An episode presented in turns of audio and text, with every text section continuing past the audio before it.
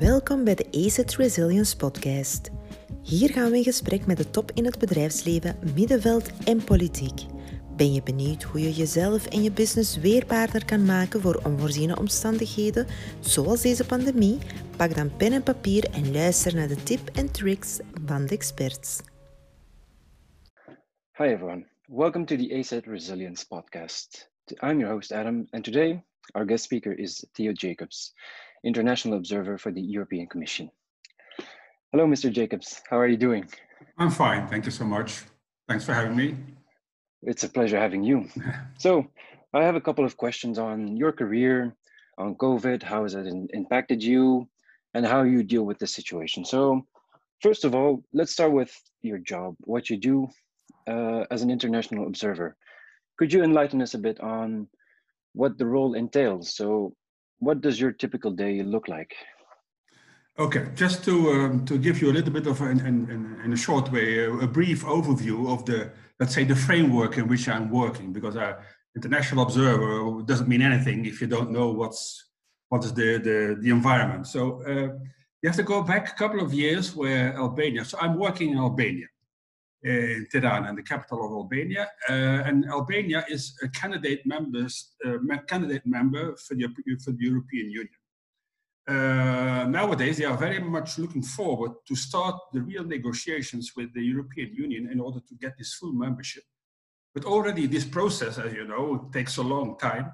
And already years ago, I think it was in 2014, they got a, already a list, the government got a list of things to do and, and, and things to fulfill before the actual negotiations would start.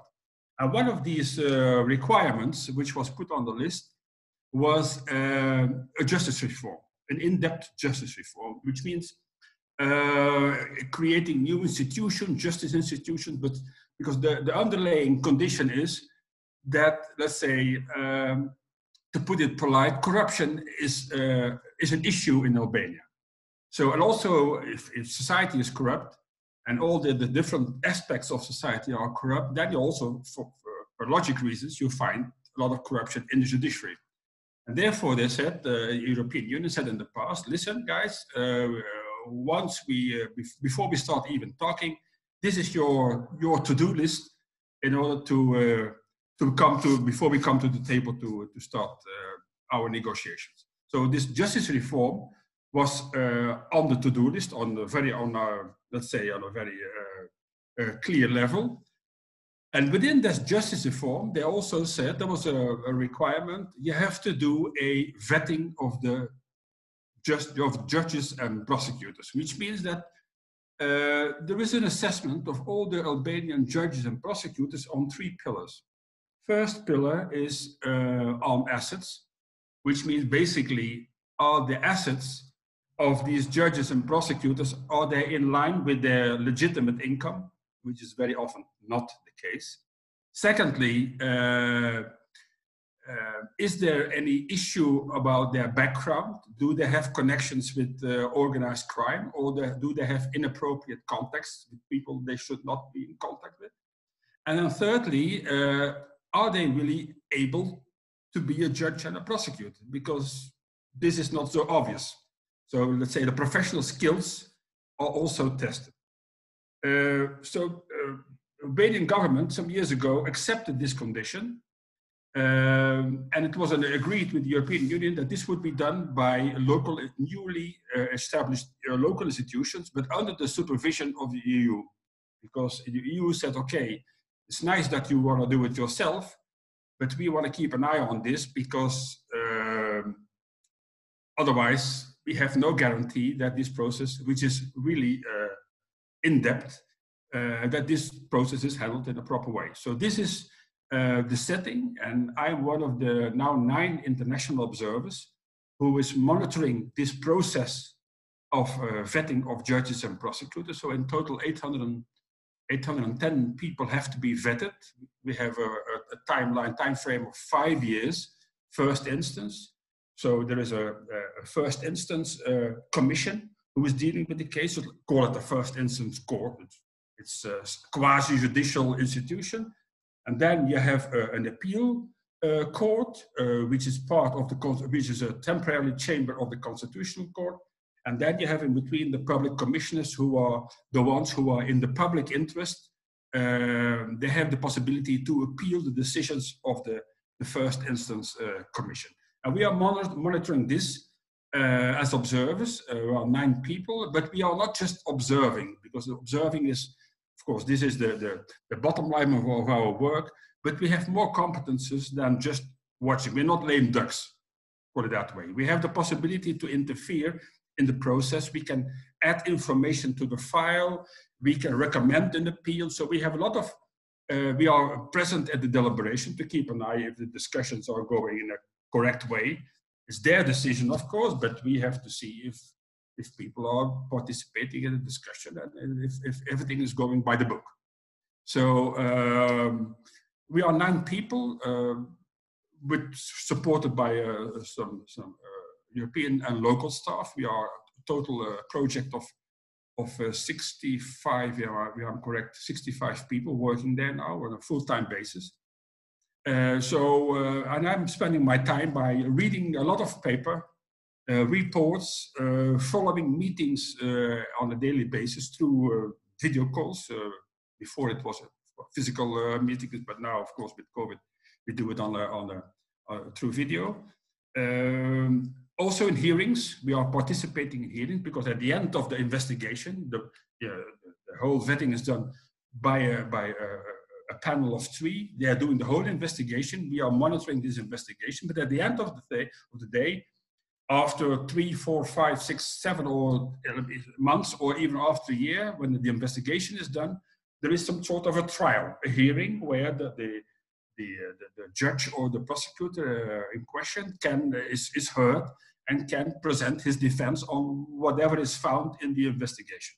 So it's like a trial ongoing uh, with a panel, with the, the, the, the, judge or the prosecutor, with the international observer, with the registrar, and a lot of public, because this is a very uh, hot topic in Albania already for now for three years. I'm, since, I'm there since uh, September 2017, full-time basis. Uh, and it's a very interesting job. Uh, I, I liked, well, this is not the first international job I'm doing. I've been working before in Kosovo. Uh, later on, I've been working in Palestine for two years. So this is my third, uh, let's say, long-term assignment, and most probably also my, my last one because I'm already almost 62, so quite soon I can retire. I will not do so, but at least uh, I have the possibility. But this is my last job. I'm uh, full-time uh, and long-term job. I, I will do. Hmm. I hope right, this clarifies a little bit. Yes, it really does. And so you've been mentioning uh, judiciary, corruption, uh, ties to uh, organized crime, and to me, it sounds a lot like almost the setting of a story of uh, John le Carré, who we uh, lost a couple of uh, a couple of days ago, unfortunately.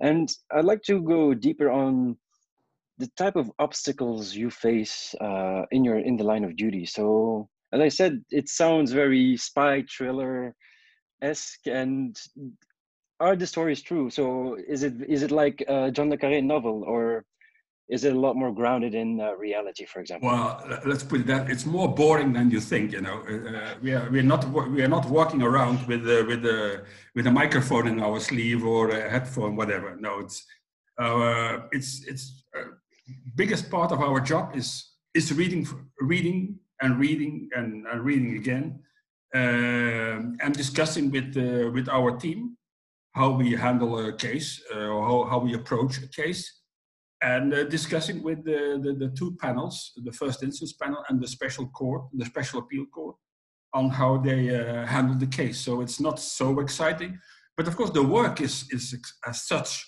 let's say the whole environment is exciting because this is a, a, a one in a, in a lifetime uh, vetting you have to know several countries have been, because Albania, luckily, is not the only country where they have some issues with corruption. Several countries have, uh, have problems with that. Uh, but Albania, and this has to be, this is come, this really comes to their credit, is the the first country where they do a vetting in such such a way. Uh, this is not really scratching on the surface. This is really stripping these people from their privacy and everything has to come to the table. I, sometimes we, we, we sometimes we underestimate the uh, the impact of this work on these people because the, the, the investigation as such can take oh months and months. So sometimes it takes a, more than a year. So and they have they have this sort of Damocles all the time above their head, and they know that, that they get questionnaires, they get constantly lists of questions following the, the, the findings of the investigation because these panels are digging very deep, stripping these people. They have to sign a waiver about their privacy.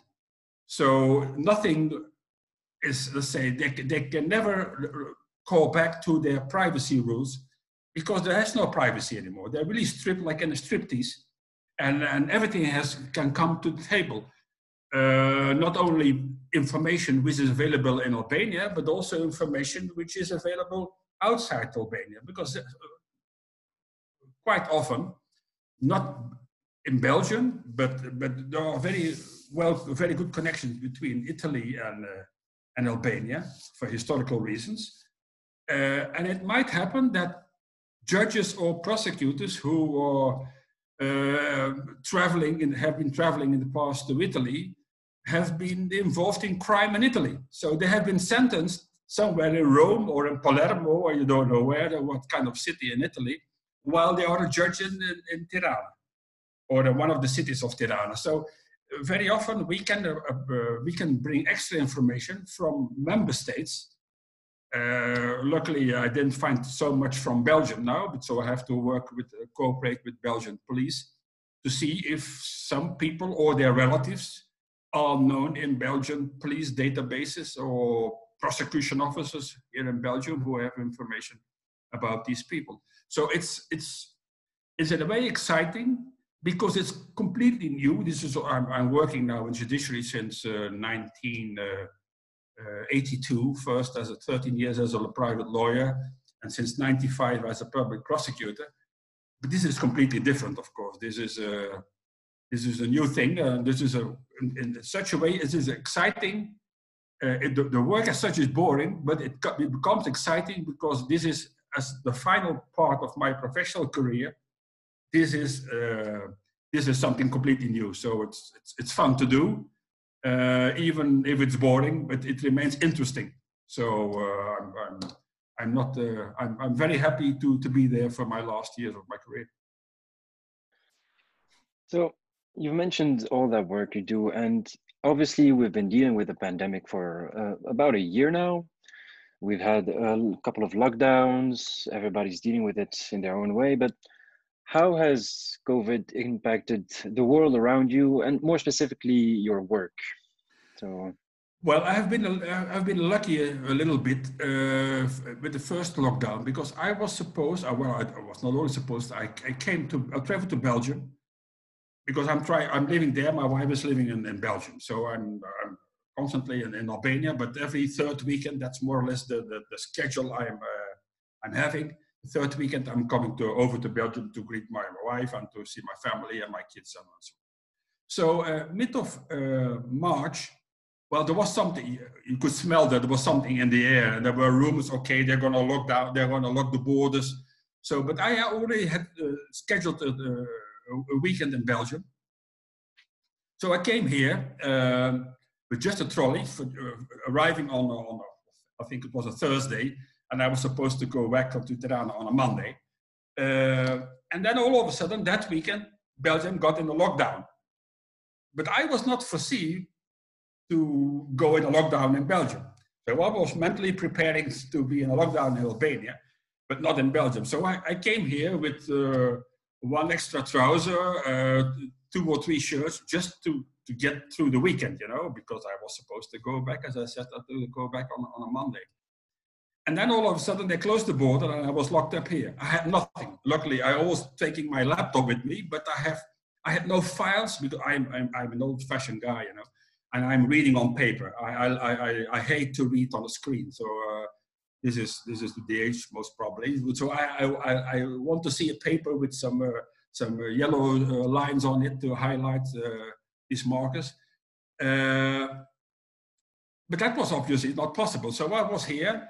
My team was in Tirana because I, am supporting by uh, four people, two researchers and two uh, legal advisors to do my job.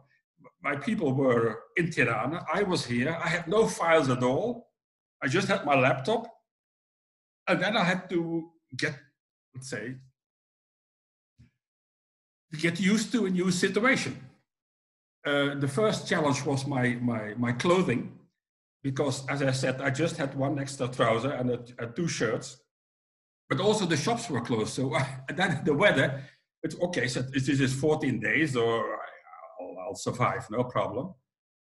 But then I stayed, finally, I stayed here for two months. I traveled back to Tirana mid of May. And as you can remember, the, the springtime of this year was quite nice. So it, became quite hot, quite warm, but I was not foreseen to stay here in warm weather because all my summer clothes were in Tirana. So uh, luckily, I found an old jeans here which I could cut off the the, the pants. So I had to, at least to have some Bermuda to sit to sit here with some. Uh, well, these are the, the normal practical things issues. But of course, the work was also a challenge for me because everything had to go through video conference. Luckily, my wife could uh, take a, a, small printer from the, from her office because she was also locked down. We were sitting at the same table, sitting in front of each other, working. So I had to, to uh, let's say, recompile most of my files, or at least the active investigations, because uh, I couldn't remember everything. So I had to, to make prints of, go through my emails to find all the information which was in, in a file in Tirana. So I had to, to, to re-establish these files, which was uh, the first week, or well, say the first month was uh, blood, sweat, and tears, I can tell you. It was really horrible to, to do because I, you know, me and, and, and the laptop, I'm already happy that I find the, the, the switch on button, you know. So I, we had to rely on people, uh, uh, our Romanian IT guy who was in, in, in, Bucharest, who had to, to, to set up the whole thing.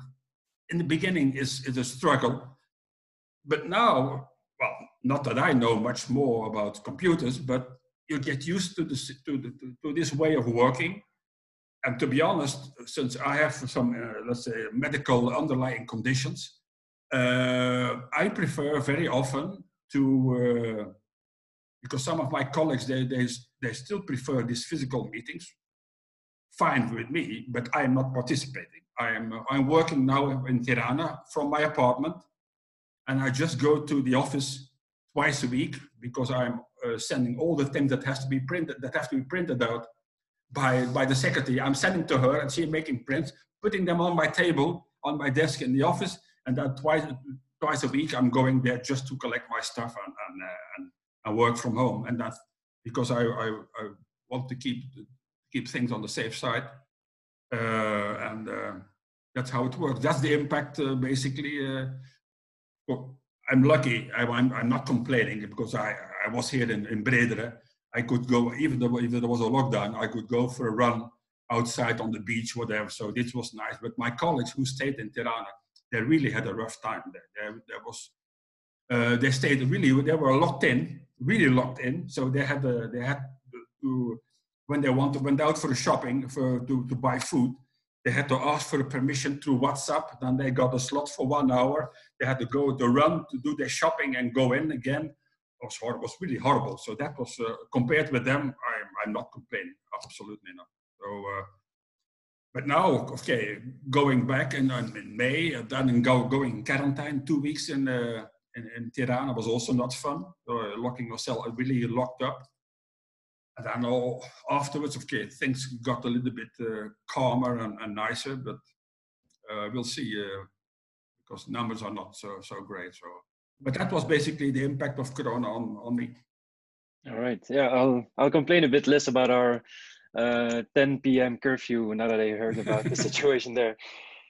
And yeah, I mean it's fascinating, especially because you you can compare two different countries and how they deal with uh, Corona and uh, the whole lockdown lockdown situation. But uh, so the, the the whole reason of this podcast is to teach people how to deal with these uh, complex situations, with these hard situations. And it's so you had to be creative in uh, dealing with your job but mentally how do you because i assume it's not easy mentally either to run from one country to another deal with paper and meetings and do you have any yeah, any uh, shortcuts any mental shortcuts any techniques to deal with this uh, with these hardships?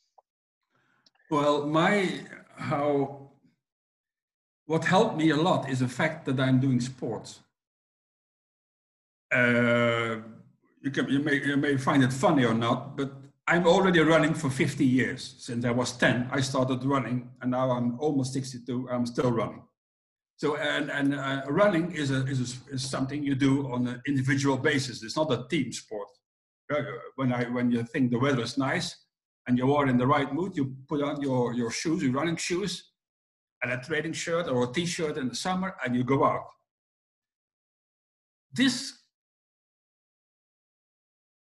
fact of having been doing sports for so such a long time has had a, a, quite a big impact on my on my character you know?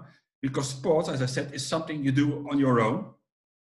So all the victories are for your own and also the losses the defeats are for your own. So you and uh, when you do sports and running the defeats are much more than the victories so every time you have to swallow some uh, some backlash. And this, I think, has helped me a lot, not only now in Corona, but through my whole life to overcome difficulties, to, to say, okay, this is the difficult time, but now I'm going out, put on my running shoes, and I go for running for an hour. And I'm, I'm blessed that I'm sitting here in Bredene, which, which has a, perfect uh, coastline with a lot of nice dunes where you can run. So, but this is this is for me the the, the the the way how I can overcome stress situations which I don't like. I had it the first time I experienced that was in uh, when I was a, a, student at the VUB uh, a long time ago in the, in the end of the 70s. And one year I got uh, uh, a liver disease. Nothing to do with drinking, but I got a, uh, a liver disease and it started, I remember well, on the day of Saint so somewhere mid of November. And then I was out for a long time, uh, two or three months. I had to stay at home, special food, a lot of yogurt and a lot of things. Uh, I went back to the to the university somewhere in February of, or March the year after. Uh, started to study extremely hard to catch up all the, the, the, the backlog I had with, uh, with not being in Brussels. And then I fell sick again in June, so I could not participate at my exams in June. Uh, so I had to do, that was the old system, I had to do, to redo the whole thing in September. And while this also there, that was, I, I can tell you, it was quite tough. uh, but also there by doing sports in between. Although I had to rush from one exam, I had to I had to do 23 exams in 30 days. So that was, but nevertheless, I kept my focus also on you have to do some sport, half an hour, 45 minutes per day, and that got me through the whole the whole mess I was in. And again, this year with this COVID, this helped me again. So for those who are not doing sports, I would say start running. It's just cost one pair of running shoes. It is, is the cheapest sport you can have, and it sets you complete. It gets you in, in a complete different mindset, and it helps you through through through different times. That's how, at least, that's how it works for me. I hope also for other people, but at least that's my uh, my remedy or my trigger to uh, to overcome difficult situations and to clear my head and to look at things in a different way. Thank you very much.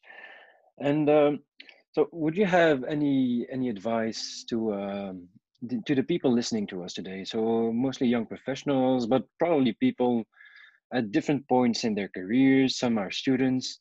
Is there anything you you'd like to tell them to prepare yeah. them for the future? Yeah, I would, um, I would um, remind them of a, of a quote of Winston Churchill, which I discovered also quite recently. Uh, and there's also, before I knew the quote, was also a little bit my uh, leitmotif in, uh, in my career.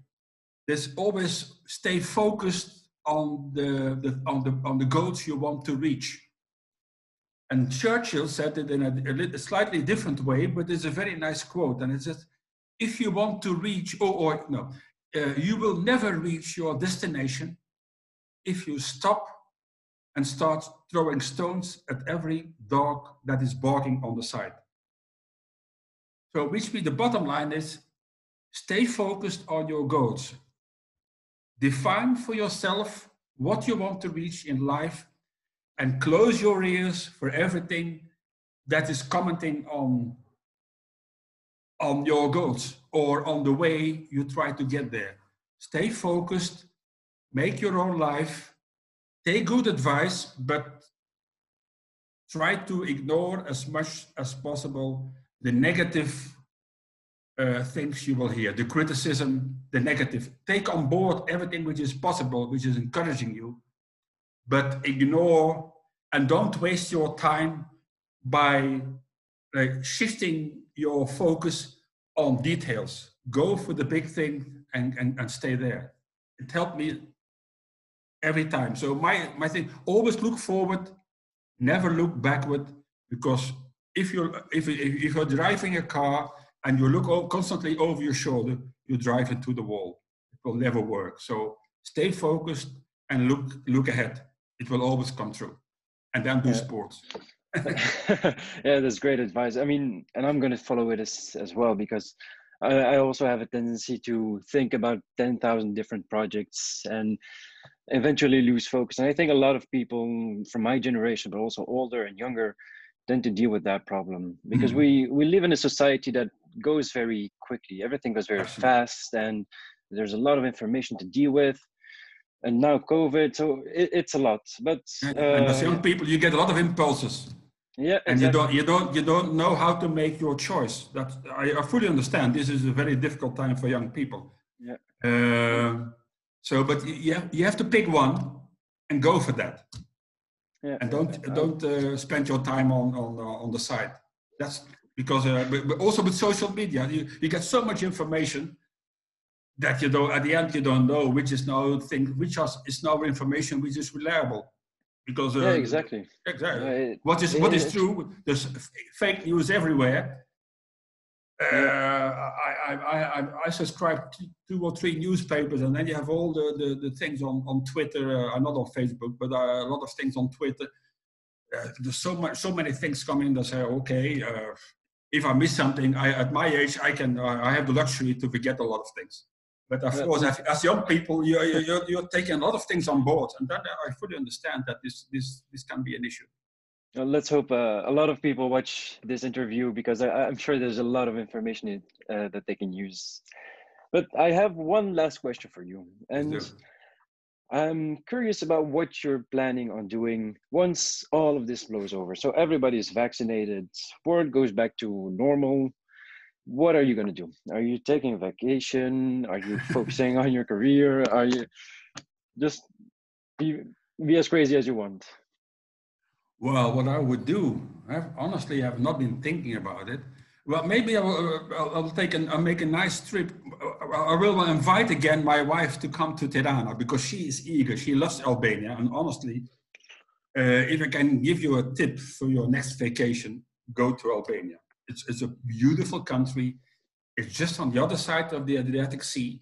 So a little bit further than Italy. It's quite cheap. Food is excellent really exact. Weather is nice, no Belgian weather, sunshine uh, during the, the biggest part of the year. So I will invite again my, well, invite, she will come anyway if, if I don't invite her. Uh, that is uh, to, uh, to, to come again to, to Albania because she loves the place. She really loves it. But now this year she couldn't be there. Normally she's spending four times one week in Albania with me. So she will, uh, she will come there and then uh, we will have a long trip to uh, to uh, to Albania. A lot of things which I have seen, but she she didn't see it.